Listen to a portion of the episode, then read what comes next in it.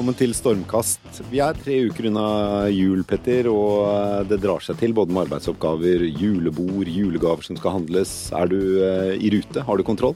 Jeg syns jula blir mer hektisk hver eneste år, eh, men det er jo en del ting som er bra med jula. Eh, skal vi ta nummer én? Halv skatt. Eh, nummer to julebord. Eh, nummer tre kanskje sola eh, snur. Sola snur jo. Er det 22. desember den Ja. snur? Men altså, eh, jeg mener at julebord er undervurdert. Altså, jeg har så mye glede av julebord, og booker inn eh, dertil eh, antall julebord. Men man skal, det er én ting man ikke skal glemme, som jeg hadde med helt fra butikken. For veldig mange så er desember utrolig viktig. Altså for handelsstanden, for hoteller, for reiseliv, for alt. Snøen må komme for mange som har skianlegg, og vi må ha trøkk liksom ute på, i butikken. Så, og jeg vokste opp med det. Fattern fikk alltid eh, vondt i ryggen eh, rett etter bursdagen min 29. november, for da begynte jula å nærme seg. Ja. Og det sto jo og falt på den jula. Og så ble det alltid litt bedre på julaften. Men apropos ski. Eh, verken du eller jeg er så veldig glad i å gå på ski. Vi syns det er litt oppskrytt, oppskrytt treningsform. Men vi har en gjest i studio som eh, ikke bare er litt god på ski, men veldig god på ski. Ja, men han er sånn plagsom som sier sånn Nei, nei, jeg trener ikke i det hele tatt. Ja, og når vi liksom gir alt opp på bakken, så kommer det bare en bak. Han har sikkert en eller annen unge pulk bak seg, og ryggsekk og sånt noe. Han kan gå baklengs med pulk og likevel ta oss igjen oppover den bakken, tror jeg. Ja, og så, og så sier han sånn jeg, jeg, jeg, har, jeg har gått Vaseloppet. Jeg gikk Vaseloppet, men det gikk ok, da. 337. Eller bare 336. Jeg vet ikke helt. Jeg husker ikke helt. Nei, av 15 000. Ja. Ja. Du er ganske god på ski, da, med andre ord. ja, vi hadde vært 14 337 og 38. Ja, jeg Jeg hadde det. slått deg, Per. Ja, jeg, jeg tror du hadde slått meg. Ja, altså, Rett, på på, faen, på god grunnform og Ja. pur faen. Uansett. Men uh, eh, ingen av oss hadde hevda seg i Vasaloppet. Det gjør jo du da, Kjetil Olsen. Velkommen. Takk. Sjeføkonom i uh, Nordea. Og dødssyk. Kanskje overdriver litt, men du har bihulebetennelse. Ja. Eh, kom hjemmefra fra senga for å være med oss i podkaststudio i dag. Så klart. vi ikke gå glipp av dette. Utrolig hyggelig. Eh, Men det gjorde jo også at du kunne ikke hilse på noen da du kom inn, og det ble jo litt kleint, fordi din konkurrent er jo her i studio, Benedicte Skilbred Fasmer i DNB. Her er jeg, vet du. Velkommen. Tusen takk. Tok du det et øyeblikk personlig at Kjetil ikke ville hilse på deg? Ja, litt. eh, Jeg kjente jo på det, da, men jeg tror vi skal ta det fake igjen eh, senere. Og så sto jeg og tenkte på helt andre ting enn eh, det sportslige innsatsen innsats når dere snakket om jul. For hjemme hos meg så henger jo pinnekjøttet nå til tørk. Ja, og du har tatt livet av noen av dyra dine? Ja, halvparten cirka. Halvparten? Mm. Har du Halvparten slakta halvparten? dine Yes. Men har du navn på de? Ja, ikke lenger, for nå har vi så mange. Så er Der det litt gikk Kenneth og Petter. Ja, ikke sant. Og der Og så er det Rigmor på julaften! Er det sånn? Er, vet du hvem du spiser? Er det Bodil? Vi gjorde det de første årene. Det Jeg gjorde hadde vi. fire, liksom. Ja, Gulliken var litt eh, Tung. hard å ta. Ja. Ja, Var den hard å spise, eller? ja, barna var ikke så keen på å spise Gulliken. Nei, men det jeg fortsatt Ikke si at nå tar vi Gulliken.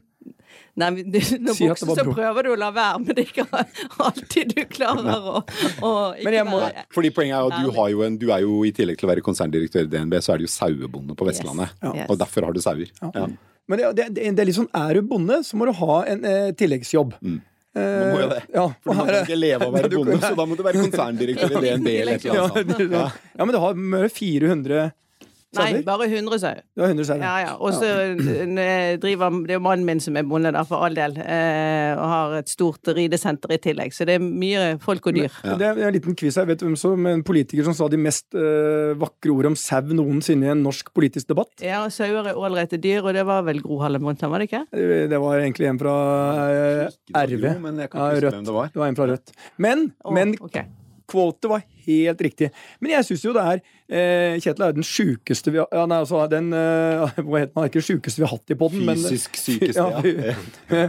Og her stiller han med sykemelding. Ja. Men det kan han jo, for det er ikke noe betalt for å være med i poden. Så det er ikke noe sånn eh, så, Og han ser jo helt fantastisk frisk ut. Jeg vil si. antrukket til dress og Ja, det er bra. Uh, Men Jeg eh, hadde kjøpt bruktbil av den mannen. hadde det. Ja.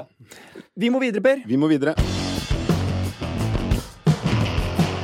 Torsdag denne uken er det et uh, nytt møte i OPEC, denne organisasjonen av oljeproduserende land uh, som uh, styrer produksjonen av olje for å forsøke å holde oljeprisen på et høyt nok nivå til at pengene renner inn i statskassen til de oljeproduserende landene som er medlem. Men tidligere denne uken så røyk et av medlemmene ut. Qatar meldte seg ut av OPEC, sa at dette ville de ikke være med på lenger. Eh, og i eh, samme åndedrag, eller blant annet som følge av det, da, så, så eh, flyttet oljeprisen seg eh, et godt skritt opp igjen etter å ha hatt en periode med, med kraftig fall. Så oljeprisens opp- og nedtur er litt vanskelig å, å få tak på, men eh, heldigvis så har vi jo eh, Kjetil Olsen i studio til å forklare dette. Jeg må bare, jeg må, jeg må bare si én ting. Det er jo ikke mye jeg husker av barndommen sånn helt eksplisitt. Men jeg husker da jeg var elleve år, så fikk fattern rasjoneringskort på olje. Altså et fysisk papir hvor det var som et sånt frimerke du reiv av for å få lov til å øh, fylle altså bensin på bilen. Og han var ganske fortvila, for han skulle kjørt ut varer og sånn. Så hvordan han skulle håndtere det. Og den situasjonen vi hadde Kjetil, nå vet ikke helt hvilket år dette er. eh, 70 73? 70-tallet. ja, det er på 70-tallet. Og da, da var det altså en situasjon hvor oljeprisen gikk rett i været. Og, og det var dramatisk. Altså, eh, det er, de, mange av våre lyttere vet ikke hva et rasjoneringskort er. Men det er altså sånn de hadde under krigen. Altså Det var først under krigen de hadde det, og så var det i, ved oljekrisa. Så dette, er jo, dette påvirker alle, og det syns jeg er fantastisk fascinerende. Ja, og, så, og det sier jo noe om makten OPEC hadde. Dette var vel peak OPEC 1973, da de kunne herje med verden akkurat som de ville ved å skru opp eller ned oljeprisen. Men uh, Ja, For det er jo et kartell vi snakker om. det er jo et kartell. Eh, kan ikke du dra oss kort igjennom OPEC og, og, og makten til OPEC i dag, og hvordan oljeprisen nå styres av dem og andre? Ja, OPEC har mindre styring med oljeprisen nå enn de hadde, fordi det har kommet en veldig stor produsent eh, på banen, og det er shale oil i, i USA. Skiferolje. Skiferolje. Um, og de har vært med på å prege utviklingen av oljeprisen de siste årene, eh, og var en vesentlig faktor bak det oljeprisfallet vi hadde. En, en voldsom økning i produksjon av olje uh, på land i, i Nord-Amerika. Så, um, så det har gjort at OPECs rolle som, eh, som eh, som, eller kartellets rolle til å kunne finstyre oljeprisen mye, mye dårligere. Eh, Men det er store forventninger allikevel til det som skal skje nå på torsdag, fordi em, oljeprisen har jo falt i det siste. Det har litt overraskende Hva ligger den på nå? Er den det er rundt 60 60-61 dollar fatet. Den var ikke så lenge siden den var oppe i 85-86 dollar fatet. Det er jo bare en liten måned siden. Og litt før det så var den jo i 27. Eh, Ja, for et par år siden. Ja, ja et par år siden. Um, så eh, OPEC har en rolle. Trump har også en stor rolle. Han har vært en vesentlig deltaker i denne, denne ferden til oljeprisen i det siste. Hvordan, på hvilken måte? Det at den kom opp til sånn 85-86 dollar fatet, hadde mye med å gjøre at markedet tenkte at nå blir det lite olje på markedet, fordi eh, Trump eh, gikk fra den atomavtalen med Iran og la på sanksjoner for iransk oljeeksport. Og da var det snakk om liksom at tre millioner fat olje per dag skulle liksom bli bort fra markedet. Nettopp. Det gjorde at oljeprisen steg masse. Så tvinga han på en måte Saudi-Arabia til å mange fat produserer man per dag, bare sånn at vi har et Hva er det det ligger på? Er det sånn 95-96 millioner fat? Ok. Ja, Så når Iran er ca. 3% av verdens oljeproduksjon. Noe i den, ja. Um, og så var det jo et eh, drap på en eh, journalist i Saudi-Arabia som gjorde at Saudi-Arabia ble litt eh, Eller i Ankara, eh, eller Istanbul. Ja, eller i hvor var, Istanbul, ja. Eh, men det gjorde at eh, relasjonen USA-Saudi-Arabia liksom ble litt anspent, og gjorde vel at Saudi-Arabia da vil, ble med på liksom å øke produksjonen på krav fra Trump. Nettopp. Så, så situasjonen endret seg veldig fort. for å få litt goodwill hos Trump, så Ja, jeg tror det. Jeg tror det. eh, skrudde de opp kranene. Og i tillegg så gjorde Trump unntak for disse Iran-sanksjonene for, for mer enn man trodde. Um, og det gjorde at det, fra mangel på olje gikk det plutselig til liksom for mye olje i markedet, og da har vi fått en ganske bra ferd ned på oljeprisen den siste måneden. Ikke sant? Fra 85-86 dollar til nå rundt 60.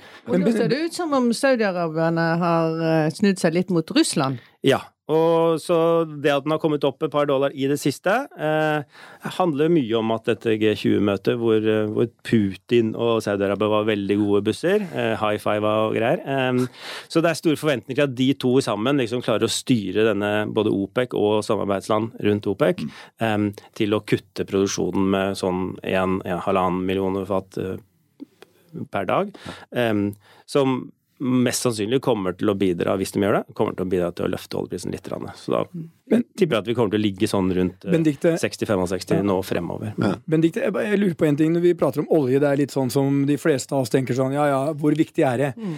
Hvorfor er oljeprisen så enormt viktig for Norge? Nei, altså, jeg, Hvis du drar tilbake til 73, som du var inne på, ikke sant, eh, og, og, liksom, og det, den historien vi har fra 73 og frem til i dag, så er jo dette en utrolig stor andel av vår nasjonaløkonomi, mm. vår velferd, eh, som vi alle er avhengig av, og ikke minst for det som jeg lever og ånder for hver eneste dag, nemlig Bedrifts-Norge, så betyr jo dette veldig mye også for, for, de norske bedriftene. Og det som jeg har opplevd nå i, i forbindelse med oljeprisfallet, er jo at til forskjell fra finanskrisen, så traff dette mye mer regionalt enn det finanskrisen gjorde. Ja. Og det var jo stemningsforskjell å lande på Vestlandet, eh, hvor det var litt depresjon, eh, det var oppsigelser, det var omstilling som sto på agendaen, og det er det fortsatt. Det er ikke over, faktisk.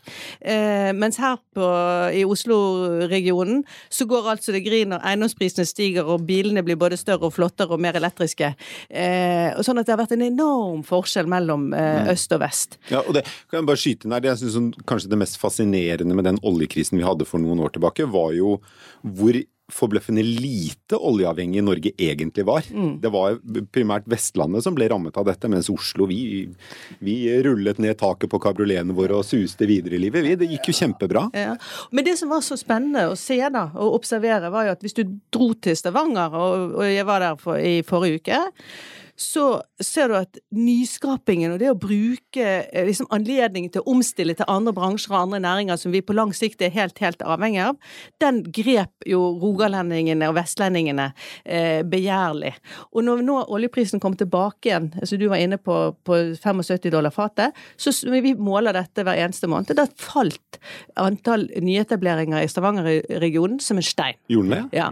Og, så det blir litt sovepute, er det du sier? Det, ja, det er det jeg sier. Og derfor tror jeg egentlig vi har hatt veldig godt av dette oljeprisfallet. For det har godt gitt oss en liten mm. sånn kick til å gjøre noe, noe annerledes. Så det betyr kanskje at den omstillingen som kommer på et eller annet tidspunkt, den kan vi kanskje klare å løse fordi du har sett at eh, de omstiller seg ganske fort? Ja, jeg er ganske imponert over norske bedrifters omstillingsevne. Eh, og så var det litt som, som, vi diskuterte her i forkant, eh, Kjetil, at eh, det er jo noen som har tjent på eh, oljeprisutviklingen de senere årene. Og, og, sannheten er vel at det er de store oljeselskapene som har mm. profitert på dette, og det er fremdeles liksom underleverandørene som har tatt veldig mye av mm. den eh, støyten, da. Men det, også, men det er også stimulert til kreativitet og, og nyskaping. Ja, og det har vi vel sett også at en del av de, som, en del av de bedriftene, leverandørbedriftene som rettet all sin oppmerksomhet mot oljeindustrien, de har nå flyttet en del av sine investeringer og en del av sine folk over på andre bransjer. Ja, og begynt å utvikle mer, eh, altså helt andre eh, både geografier, andre kunder og helt andre bransjer som, som kunder av seg. Og det er jo noe som jeg tror er bare sunt, altså. Men Kjetil, jeg lurer på en ting. Var oljeselskapene litt sånn fat cats før um, oljeprisen falt? Du, det her Ja, de var veldig, veldig eh, Veldig fat cats? Ja. Eh, det var null fokus på kostnadskontroll. Med en oljepris på 120 dollar som vi hadde. Eh, da var liksom alt lov. Det var bare topplinje, topplinje hele veien. Hva kosta det å ta fram et, et fat, fat olje? Nei, vi drev og, og, og snakka mye om liksom, hva skjer hvis oljeprisen faller, og da var liksom når begynner det å bite? Og da snakka vi eh, den gang om liksom på, Hvis oljeprisen faller sånn under 80-90 dollar per fat, da begynner det å bli problemer i norsk mm. økonomi. For da forsvinner en del av lønnsomheten på feltet? Ja. Fordi... Hvor mye kosta det den gangen, trodde dere? Og det, sånn, var det sånn 70-80 dollar i kost for å ta ut et fat olje, da? Ja, jeg tror balansepriser lå på sånn 80 pluss oh, ja, ja, ja, Investeringsbeslutningene var tuftet på, på, på veldig høye På break-even på ja, 80. Men også sant, kostnadssiden hadde løpt litt, litt løpsk.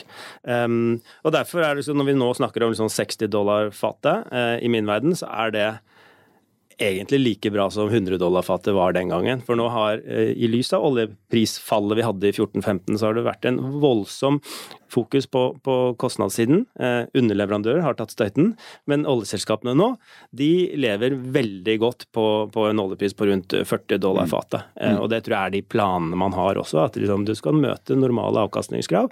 Um, og i utbytte til eierne og sånn, på sånn 35-40 dollar Men det, det største feltet vi har i Norge, som alle har hørt om, er Johan Sverdrup, som kanskje er det største feltet noensinne i norsk historie.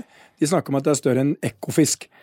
Hva er eh, kostnaden for å ta ut et øh, fat olje der? Der snakker man om mellom 15 og 20 dollar fatet.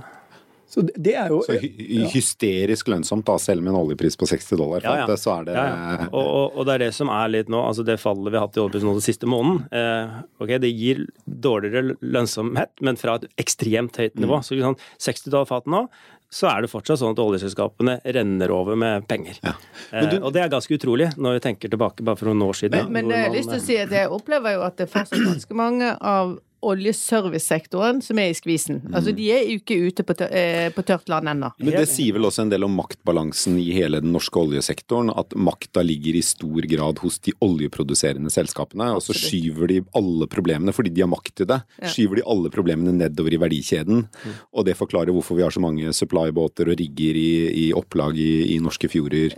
Ja, og så er det jo eh, litt problematisk for disse her å si det høyt, ikke sant. Fordi at hvis de sutrer eller klager, så blir de på en måte fort ute av dansen eh, om tilbudene og så videre. Sånn det der er jo en problemstilling som jeg, som jeg tror er veldig relevant, men som kanskje er litt underkommunisert. Men vi, altså, det som jeg tror eh, vil overraske mange, det er selv om du, Per, prøver å si at eh, vi farta videre i Oslo og sånt nå, så tror jeg vi fra Kristiansand og opp langs kysten eh, helt langt opp nord, så tror jeg at alle sammen eh, fikk seg et karamellsjokk i det oljeprisfallet, og vi merka det Altså Bokstavelig talt overnight at beleggene på hotellene falt. Restaurant eh, reduserte omsetningen. Og vi måtte også gjennom en kraftig eh, liksom, eh, runde og tenke gjennom hva holder vi på med. Stavanger gikk fra å være et mest lønnsomme marked til mitt desidert mest krevende marked. Ja, absolutt. Og, og jeg, eh, poenget mitt er, er jo egentlig bare det at du har en bransje som er da så altså nest, altså, en så Jeg vet ikke prosentandelen, men en, en, eh, det var jo den desidert største bransjen i Norge målt i investert kapital. Og eh, stort sett alt av flinke folk fra NTNU og Handelshøyskolen dro til oljesektoren. Eh,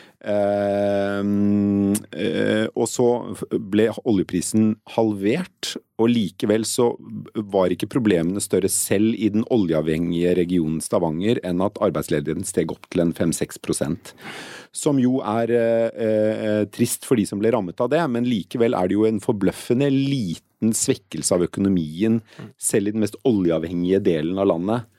Når du tenker på hvor eh, mye vi snakker om hvor oljeavhengig Norge er. Altså, Egentlig så syns jeg det mest forbløffende med oljekrisen for noen år tilbake, er jo hvor lite den bet på norsk økonomi, også lokalt i Stavanger-regionen. Men du bor jo i Oslo, vet du. Nei, men ja, ja, ja, men tallenes tale forteller jo akkurat det Ja. samme. Ja. I dag, bare tre år etter oljekrisen, så er Stavanger tilbake i ny boom, og oljeprisen på det, nei, og arbeids, arbeidsledigheten på det aller verste var på 6% Ja, og, men det tror jeg er litt eh, Som jo er det- gladhistorien jeg prøver Jo, men det er den omstillingsevnen Som som jeg tror det er nettopp.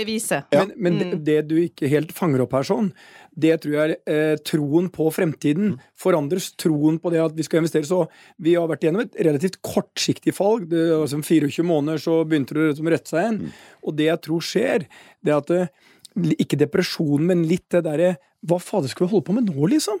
Hva skal vi investere i nå? Og alle de menneskene som trodde de kunne liksom automatisk uh, få jobb i uh, olja, det var kanskje ikke det de skulle. Men det var jo en slags generalprøve på den store omstillingen norsk økonomi kommer til å stå overfor i flere tiår fremover, da, med mindre oljeavhengighet og flere bein å stå på i næringslivet. Men bare Og da er jeg veldig optimistisk ut ifra det jeg har sett i den korte Ja. fasen, altså. Ja. Og det- og det er grunn til å tro at dette kommer til å gå bra, basert på den erfaringen vi hadde av oljekrisen. Men jeg har bare et eh, spørsmål til Kjetil. Det er litt sånn, eh, Jeg undres alltid over statsbudsjettet. Jeg skal si at det er på 1300 milliarder eller et eller annet sånt nå. Um, og så diskuterer politikerne opp og ned av overskrifter i avisa om de skal flytte på la oss si 10 milliarder. da, Det er det de diskuterer. En milliard hit og en milliard dit. Og det er, og, eh, det er jo eh, Du skulle tro liksom at det, det ene er eh, helt avgjørende i forhold til det andre. Men så samtidig så leser en liten notis da, at eh, oljeinvesteringene øker liksom fra eh, 150 milliarder til 200 milliarder. Hvem er det som bestemmer de greiene der, liksom? Hvem er som, Det er ikke noe særlig diskusjon om liksom, plutselig så faller det fra 200 milliarder til 150, og så skal det opp igjen til 150 Det er gigantpenger. Kjetil, hvem sitter Altså, Hvem sitter og bestemmer over de? Det er penga våre, liksom. Hvem bestemmer over de, da? Oljeinvesteringene, det er det jo oljeselskapene som gjør. etter vanlige Men det er, Norge er i stor grad involvert, for at det er ikke bare Statoil, det er Petoro og, og Dette er jo selskaper som de færreste kjenner til. Altså Petoro er et sånt øh, selskap som jeg tror holder til i Stavanger.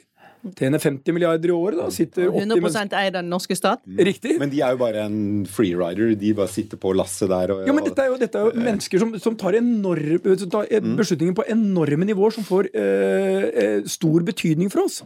Hvem liksom eh, Hvem er det som bestemmer over de? Hvorfor diskuterer vi ikke liksom Petoros uh, framtid? Jeg tror det er lagt opp til at eh, liksom, oljevirksomheten er eh, på en måte pri privat, i den forstand at det er Politikerne, normale det blir for lønnsomhets- komplisert. Ja, lønnsomhetsvurderinger som ligger til grunn. Eh, Det politikerne kan gjøre, og styre noe, det er jo hvor, hvor mye liksom, nye felt som legges ut for, for leteaktivitet og den type ting. Men det er jo en veldig langsiktig greie. Så på så kort til mellomlang sikt så er det ene og alene oljeselskapene som vurderer er det lønnsomt, tror vi det er lønnsomt, å bygge ut dette feltet. Er det, skal vi lete, skal vi liksom eh, det, Så det er byråkratene som egentlig sitter og bestemmer mye her. Nei. Nei, egentlig ikke. Det er, Egentlig det er oljeselskapene Ja, eh, som jo tar, direkte. som, så, så ditt korte svar på det er jo at det er det frie markedet som avgjør investeringsnivået og produksjonsnivået i norsk, på norsk sokkel. Ja, gitt de områdene, leteområdene som blir liksom frigitt av, av Som jo tar oss vakkert tilbake til OPEC, som jo er alt annet enn det frie markedet. For det er jo en, en gruppe nasjoner som er, har mm, mm, tvilsomt syn på involvering av sine eh, medborgere. Men hvorfor var det ikke Norge da- med i OPEC? da? Ja, det kan vi jo ta Ja, ja. Ja, men altså, du, eh, altså De normale kapitalister de hater jo eh, egentlig alt annet enn monopol. Og kartellet jo, var altså nesten et monopol. Nå sier Kjetil at eh, det er mindre ille i dag. Men OPEC er jo en Det er jo en Altså en, Bare si det. Det er en, det er en forbrytersk konspirasjon! Det er en, for, en Eh, forferdelig du, har du ikke lest avisen? Du er litt forsiktig med uttalelsene her. nå. Ja, ja, ja, før jeg ender opp på en ambassade og Ja, ikke- ja.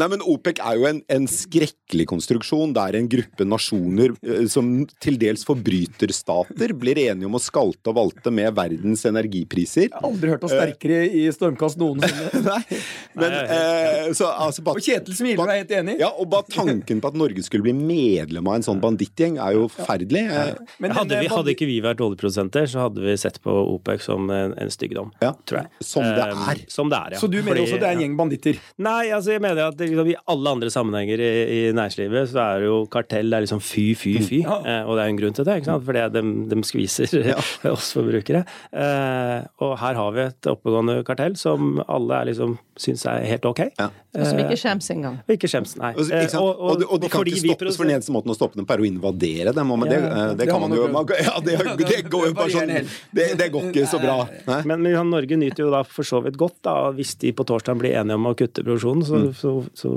drypper det på, på norsk Mm. Ja, økonomi. fordi for det bidrar til en høyere oljepris, og vi får det bedre. Hvor mye produserer Norge i forhold til de 95 jeg har ikke de tallene i millioner fat? Jeg eh, har ikke de tallene i hodet. Men produserer vi liksom tre millioner fat, eller? Men det, det interessante med olje, er jo, som alle råvarer, er jo det at det er jo ingenting som er mindre verdt enn en råvare det er for mye av. Altså den, den ekstra enheten råvare i, i, som er overflødig i markedet, er jo verdt null, egentlig. Så Det er derfor du ser så store endringer i, i prisen både på olje og andre råvarer. At de s- Det er derfor fort dette opp jeg føler at du ser på et kardell ja. som om de har en sånn kran, mm. og så er den i litt lav pris. Ja, skrur vi litt igjen på krana? Nei, nå er det ganske bra pris. Ja, da, det, det, jeg ser liksom det sitter to karer nede i Saudi, og liksom Ja. Og Saudi produserer sikkert eh, 10% av all verdens olje. 10 millioner fat olje per dag eller noe. Så kan de skru opp litt, da. De kan skru opp liksom norsk eh, produksjon liksom ved å bare Ikke sant? Et lite knepp på krana, så er det, er det Johan Sverdrup. Ett til, så er det Ekofisk. og så- Ja. Men det er jo eh, og, eh, USA har jo doblet sin oljeproduksjon på fem år. Doblet oljeproduksjonen til å bli den største oljeproduserende nasjonen i verden. Og det er jo utelukkende skiferolje, er det ikke det, som har gjort, skapt den økningen? Ja, og, og det har gjort at oljemarkedet nå og fremover ligner mer på et normalt frikonkurransemarked. Eh, fordi du har fått inn en marginalprodusent som kan skru på oljeproduksjonen opp og ned, som skiferolje er. ikke sant? Eh, det er mye Ut fra kortere markedsøkonomiske hensyn, Ja, og og det- ikke ja, og dem er blitt Enklere å stoppe kranene, er ikke det? Ja, og, og ikke minst starte dem. ikke sant? Det er kanskje et lag på tre måneder fra du begynner å bore til du har uh, olje Hva koster det å ta opp et uh, fat uh, skiferolje? Nei, det, er- det varierer veldig, tror jeg, fra felt til felt. Eh, og det er jo det folk undrer seg over også, ikke sant. Hvor, hvor Men gi oss et eller annet tall. Jeg altså, tror for noen år siden så snakka vi om sånn um, rundt 50-60 dollar fatet, men det skjer jo hele tiden Men Norge er jo da fantastisk konkurransedyktig. Ja, akkurat nå så er offshoreolje veldig, veldig konkurransedyktig. 20, og vi, og vi har eh, visstnok veldig bra olje også. Mm, kvaliteten er kjempegod. Ja. Um, ja. Ok, så øh, ut fra et øh, en sånn markedsøkonomisk perspektiv, da, så skal vi jo være glad for at skiferoljen har kommet. For klimaet er det jo ikke bra at man får mer olje, og skiferolje er jo også ganske skitten olje sammenlignet med en del annen. Eh, eh, det var, jeg tror det var Hallgeir Langeland, jeg i SV, han gamle SV-veteranen, som mente at Norge burde bli med i OPEC fordi det kunne være en måte OPEC burde bli et verktøy for å kontrollere oljeproduksjonen sånn at klima og, og, og gjøre oljen dyrere, sånn at alternative og renere energiformer ble relativt sett billigere. Noen i studiet som syns det er en god idé? Det har vel noen aspekter ved seg som du var inne på eh, i sted, i hvert fall nå når vi kjenner hvordan dette, disse opptrer i, i praksis. Eh, på den annen side så tenker jeg at riktig prising i forhold til hva Altså å insentivere riktig atferd er jo alltid viktig, og så er det spørsmål om svaret er å melde seg inn i OPEC, eller om du kan gjøre det på, på andre måter. Men der spiller jo politikerne en ekstremt viktig rolle. Vi, I Stormkast har jo vi en, eh, en plan eh, på dette som eh, ikke har vært mye fram i, i dagslyset. eh, Som jeg tror eh, Og den er enkel, men den er effektfull. Eh, Vi tar og allierer oss med Big Oil for å knuse Big Coal. Um, så for det. Vi må ta de største grisene først. Og da må vi alliere oss. Noen ganger må fanden eh, Nei, hva heter det? Man- Noen ganger så må Male fanden på veggen? Nei, de må, hva, hva sier man? man må, jeg skal ikke prøve meg på flere sitater. Nei, det, det går jo dårlig. men, eh, ja, er, men i hvert fall, for, da kunne vi først blitt kvitt kull, som er noe ordentlig dritt. Og så kunne vi tatt liksom eh, olje i neste runde og sagt til Big Oil hvis dere knuser Big Coal, så gir vi dere ti år. Jeg er jo overrasket over det. Er vi da enige her om at drill baby drill er det beste mottoet? Nei, men uh, For- for jeg er nok der, men jeg er overraska me- over mellom, at du er der. altså me, me, mellom uh, to onder uh, så velger jeg da heller litt ren, god norsk olje. For nå fikk jeg et kurs her for et par stormkaster siden i forskjellen på drittolje og bra olje. Ehm, og da har jeg skjønt at eh, vi må ta de verste grisene først. Og så er jeg en av de som syns det er fantastisk at Equinor heter Equinor og ikke Statoil lenger, og satser på ny fornybar energi. Og vi har jo, Norge er jo basically et land som bare produserer eh, bra energi sånn, foruten olje og gass. Og så må vi ha mer gass. Så først big coal, så big oil, og så står vi igjen med gass, og så er vi over på ny fornybar Men- energi. Ingen mener at det skal bli med i. OPEC, da. Høres det ut som. Nei, jeg, jeg tror ikke det. Jeg tror ikke jeg ville stemt på det heller. Nei, da, eh, det er godt å høre at vi eh, Da sabler vi ned eh, De, den ideen. ja, de er banditter. Banditter. For å sitere den kjente tidligere redaktøren Per Valbrok. Ja. Du og jeg har jo Du er jo Hugo Chávez, og du kalte meg Milton Friedman her forleden. Det, er, det er vår rollefordeling. Ja, men i Men dag, OPEC skal vi ikke med i. OPEC skal vi ikke med i. Bra. Vi går videre. Vi snakka om julebord innledningsvis, Petter, og en som har et veldig kjent julebord, er Jon Fredriksen. Norges uh, rikeste mann. Og norgeshistoriens rikeste mann. Uh, han har jo et, eh, et uh, stort julebord på Theatercaféen, eller jeg tror han har flere til og med. På dette store, runde bordet på Theatercaféen som kalles Carg Island. Dette er denne utskipningsterminalen for olje i, i Persiabukta. Eh, og det faste spørsmålet Jon Fredriksen stiller folk når han møter dem, det er du har 100 millioner, hva investerer du i? Men eh, det er jo en legendarisk uttalelse. Denne mannen eh, Han har jo mange bra uttalelser. Men det var jo han som kom inn på Theatercaféen eh, og lurte på eh, hva alle disse fjompenissene som satt der, hadde holdt på med. Ja. Eh, og de hadde ikke noe godt svar på det. Sånn. Mens dere har sittet her og eh, brukt med et uttrykk ikke jeg skal bli, bruke på stormkast, så har jeg tjent 500 millioner. han er jo en uh, ubeskjeden kar. Ja, og, og alltid sympatisk. Ydmyk. Ja. Ydmyk, øh, full av øh, de vakreste ordene jeg vet. Energi, mot og begeistring. Kommer han travende inn på teaterkafeen Ja. for å ta sitt Og de som sitter der, der er det jo lite mangfold. Jeg har jo sett et par øh, runder på Karg. Det, det er ikke full likestilling. Har du og- vært på Carg Island på julebordet til Jon Fredriksen noen gang? Eh, jeg tror ikke reiselivsbransjen ville blitt invitert til Karg. Nei. Eh, det tror jeg ikke. Nei. Eh, jeg kunne kanskje servert eh, på Karg, men eh, å bli ja. invitert er kanskje eh, Så det er det nærmeste. Men jeg har jo hatt eh, en del julebord på Theatercaféen. Ja. Ok, men Fascinerende hvordan, eh, hvor, hvor, hvor, hvordan Theatercaféen fungerer. Altså Jeg føler noen ganger det er når eh, han har hoffet sitt der, at du kan nesten måle opp en ditt andel av BNP i Norge når det koker som ja, og det kan du vel også, vil jeg tro? Ja, men la oss gå til eh, Han stiller jo alltid det andre spørsmålet. Eh, Du har hver- 100 millioner. Ja. Hva gjør du? Hva investerer du i? det er heller ikke så sympatisk når du kommer inn i et møte. Nei, egentlig ikke. Men, eh, men det er jo et, samtidig et litt kult spørsmål, for det tvinger deg til å tenke gjennom ok, men hva ville jeg faktisk gjort? Uh, og jeg tror vi, vi gjør jo alle det i ulike sammenhenger, og vi gjør det med barna våre. Kanskje ikke sånn sånn, Gjør du det med barna dine? Ja, men leker sånn litt av og til. ikke sant? Det er 1000 kroner, hva ville du brukt det på? ikke sant? Snakker sånn med barna. Det er gøy. Men uh, uh, la oss ta runden. Benedikte, du har 100 millioner. Hva ville du investert i? Nå blir det mye sauer. Det er jo et Det eh, Vi kunne lagd et Det jækla mange Ja, sauer. Et Ja, men Ja, det er jo et sauekartell! Organisert under Norges Bondelag og Norges Ja, men Småbrukarlag. bare, hva, hva, hva får du for en sau? Åh, eh, men en stor sau, da. ja, det er ikke Good mye Nei, for å si det sånn, det er 29 kroner kiloen, da. Så, Ja, det veier 30 kilo. eh, Ja, ikke sant? Så kan du begynne å regne. 29 kroner kiloen. Ja, det er 1000 kroner sau. Ja, Det, det, å si det, det er ikke mye 1000 kroner butikk i sau. ja. men det er Så veldig det blir, hyggelig. det blir 1000 sau på en million. Det blir, Det blir 10 100 000 sauer, 100 000 sau! Ja. Hvor mange sau er i Norge?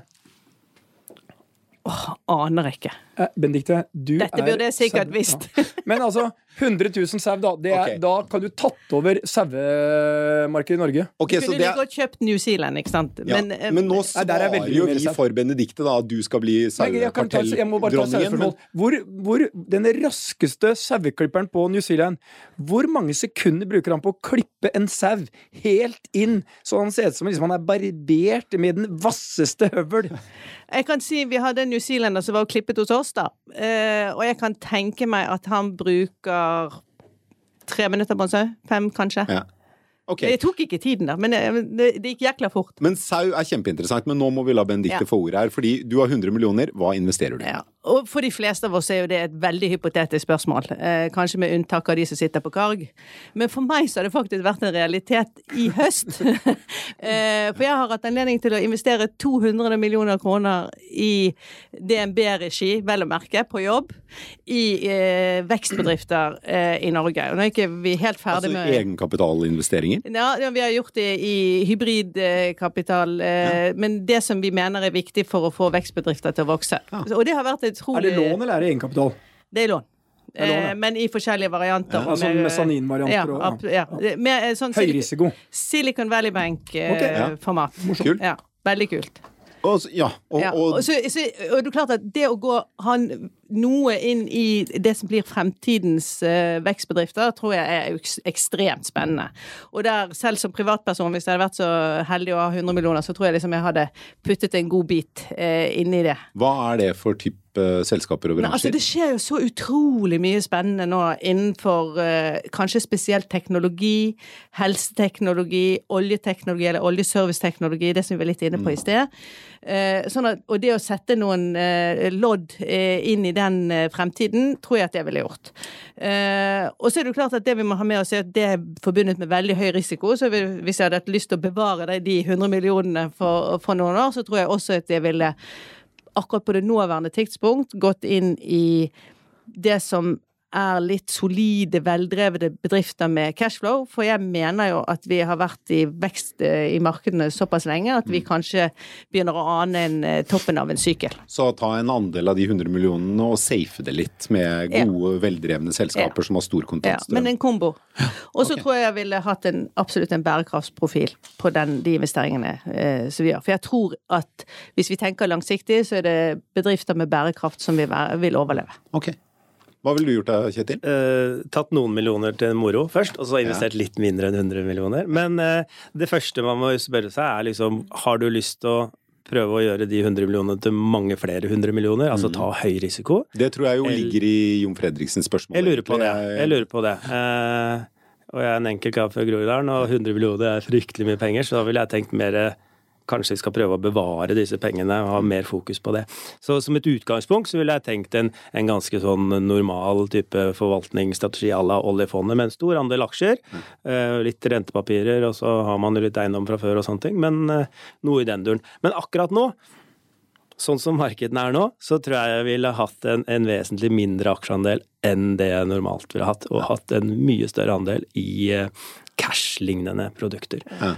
Det er få steder å gjemme seg. Det er veldig få steder å gjemme seg, men eh, du, du, du finner Ja, du har jo bankvirksomheter som gir eh, et par prosent rente, eh, og rentepapirer globalt som du kan hente en helt trygg og god avkastning på, sånn eh, 3 um, Og grunnen til at jeg sier det, er at vi kommer fra en periode hvor rentene har vært ekstremt lave lenge, og i tillegg har sentralbankene verden over trykt penger for å liksom holde også langsiktige renter nede. Det har åpenbart drevet opp eh, asset-priser til eh, nye høyder, og særlig innenfor typiske vekstbransjer. Vi ser, og, og det er nå i ferd med å snu. ikke sant? Sentralbankene stopper å trykke penger. Rentene er på vei opp. Og da eh, er Det tror jeg er hovedgrunnen til at vi ser den uroen vi ser i markedet nå. Og jeg tror ikke nødvendigvis det er helt ferdig, så jeg tror det er ja, vente et år eller to, så, så kanskje du kan komme inn på et enda bedre tidspunkt. Mm. Men, men jeg har lyst til, i og med at dette er en utopi for de fleste av oss, ikke sant? Unntagen deg, Petter. Det er en i rommet som, Eh, ja, eh, brenner etter å ta ordet nå. Ja, så tenker jeg at eh, Jeg er veldig spent på hva du vil investere i for øvrig. men, men så tenker jeg at det viktigste, hvis vi tenker oss, eh, det er jo å investere i vår fremtidige pensjon. Vi har faktisk ansvaret for det i større grad, hver og en av oss. Og jeg har lyst til å bare dra ett lite eksempel som viser hvor viktig det er. Hvis du har 50 000 i innskuddspensjon i dag, og du har den 50-50 investert i aksjer og eh, rentebærende, så vil det vokse, hvis du er 23 år til du er 70, så vil det vokse til 350 000 lagom. Hvis du går 100% i aksjer, med 4,5 eh, årlig avkastning, så vil det vokse til 850 000. Og hvis du har den historiske avkastningen vi har hatt i aksjemarkedet på 8% i de neste 47 årene, så har du to millioner på konto. Sånn at det der å, å være litt sånn på hva altså Det som vi faktisk skal gjøre noe med hver og en av oss, og se på hva vi har investert i i pensjonsordningen vår, og ta en langsiktig høy aksjeandel eh, der, det tror jeg faktisk vi alle bør gjøre. Ok, Petter, du har 100 millioner. Hva investerer du i? Jeg syns det er ganske enkelt. Hadde jeg hatt 100 millioner, hadde jeg tatt 30 millioner i cash inn i leilighetsmarkedet. Ehm, med 50% giring, så jeg investerer eh, altså 60 millioner. Det får du da eh, over en litt lengre sykkel eh, 15% avkastning på. Så ville jeg hatt 30 millioner i aksjer, for over tid så er aksjemarkedet det som gir høyest avkastning. Enig med Kjetil, det kan komme litt tøffere tider. Det gir ytterligere Og ville jeg, jeg ville delt den i tre. Jeg ville hatt øh, grønne aksjer, tech-aksjer, og så ville jeg hatt øh, noen farmasiaksjer. Ehm, og så ville jeg hatt øh, 30 millioner i, i cash. Men det er én ting her som er viktig. eh, jeg tror det å tro at du som enkeltinvestor skal gå inn i enkeltselskaper og investere, eh, da er det ett råd å gi.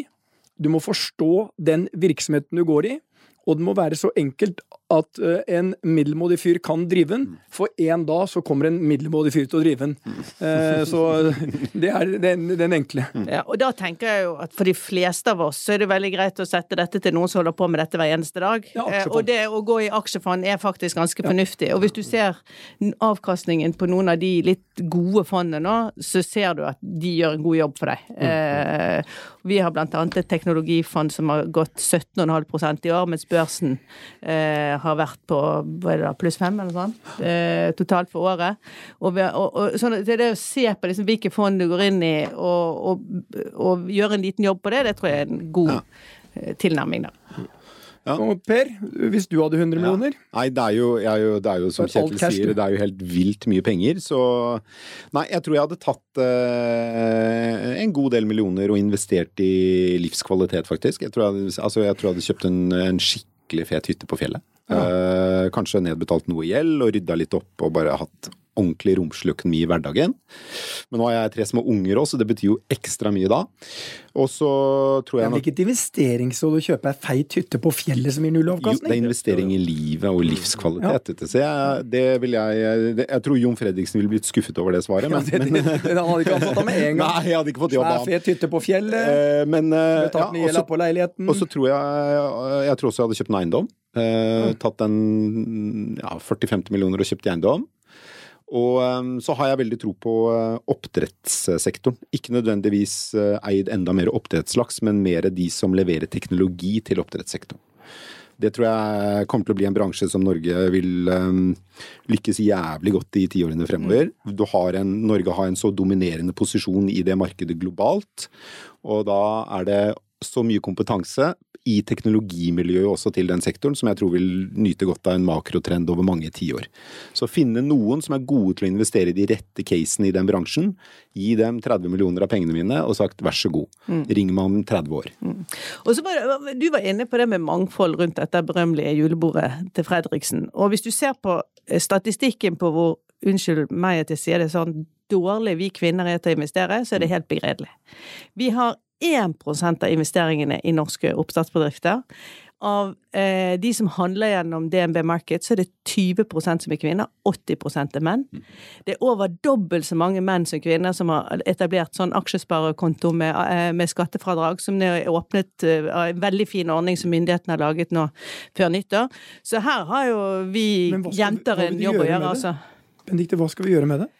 Nei, jeg tenker at noe av det viktigste er jo litt å Vi kan jo starte med pensjonen. Du kan ta de 50 kronene du bruker på caffè latte hver dag og putte det i aksjefond isteden, og begynne å på en måte snuse på dette markedet. Men at vi kvinner, hvis vi skal ha reell likestilling og kunne stemme med beina på en generalforsamling, så må vi jo eie bedrifter og drive bedrifter og jobbe faktisk for at vi, vi deltar også i den delen av samfunnet. Ellers blir vi ikke invitert til Fredriksen. Nei, bra. Ok. Vi, vi eh, nærmer oss slutten. Det er ukas bær. En som kanskje ikke eh, sitter på bordet til Fredriksen eh, i år, men som eh, definitivt har nese for penger, eller nese for olje, det er teolog Nei, teolog. Geolog. Thea Broch i Equinor, som uh, satt på vakt her en kveld uh, og så Og gjennom noen eh, Og ba til Gud, ja. Jeg vet ikke, i, i, I Equinor er kanskje geologer det samme som teologer, så det var kanskje en sånn Freudian slip der. Men hun satt da på vakt og, og så over noen eh, 3D-kart eh, av havbunnen og sånn, og oppdaget da olje på et felt. Jeg husker i farta ikke hvilket felt det var. Brokkfeltet kaller vi det kalles, vi kaller det bare Broch-feltet etter Thea Broch, ja. Olje verdt 40 milliarder kroner. Det er en god kveldsvakt på jobb. Men tenk hvis hun da i lønnsforhandlingene sa ja, men jeg vil gjerne ha en liten sånn eh, bare en liten sånn eh, motivasjonsbonus. En Bare en, nei, det er bare sånn, en, en liten promille, bare. Og det er jo så lite, bare en tusendel. Ja, Og vet du hva en tusendel av 40 milliarder er? hva blir det av? Er ikke det 40 millioner, da? Vet ikke. Ja, det er kanskje det. 40 millioner? Ok. Uh, Thea Broch har jo sikkert gjort seg fortjent til det, i hvert fall. Hun sier det er kult, en stor opptur å være med på. Det føles litt midt, sier Broch til Dagens Næringsliv. Der, vet du, allerede til Dagens Næringsliv så innleder hun lønnsforhandlingene for året. Men i alle fall, veldig godt jobba, Thea Broch. Eh, Norge er blitt eh, 40 milliarder kroner rikere, og eh, eh, nok en utfordrer til OPECs klamme eh, kartellvirksomhet. Der klarte vi å runde av på en, eh, med en elegant rød tråd er Petter. Vi sender henne en, eh, en jordbærlue som vi har fått laget, og et, et, et, eh, et, eh, ukas bær går til henne. Følg oss på Facebook, kom med tilbakemeldinger og tips der. eh, Vi har også en Instagram-konto, en LinkedIn-konto til og med. Eh, send oss mail. Hva videre vi skal diskutere? hva skal vi snakke om, ja? Ja. Det vil vi gjerne, veldig gjerne høre om. Eh, Så gjør det. Til dere, tusen takk skal dere ha. Kjetil Olsen, du skal vel kanskje hjem igjen og prøve å sove litt. For litt antibiotika. Eh, takk skal du ha, sjeføkonom i Nordea. Og til deg, Benedicte Skilbred Fasmer, konserndirektør i DNB. Jeg syns dere har vært eh, Det virker som dere er gode venner, selv om dere er konkurrenter. Er. Frenemies, som det heter. Frenemies. Frenemies. Truls Johansen har produsert denne sendingen, og så høres vi igjen neste uke. Det gjør vi.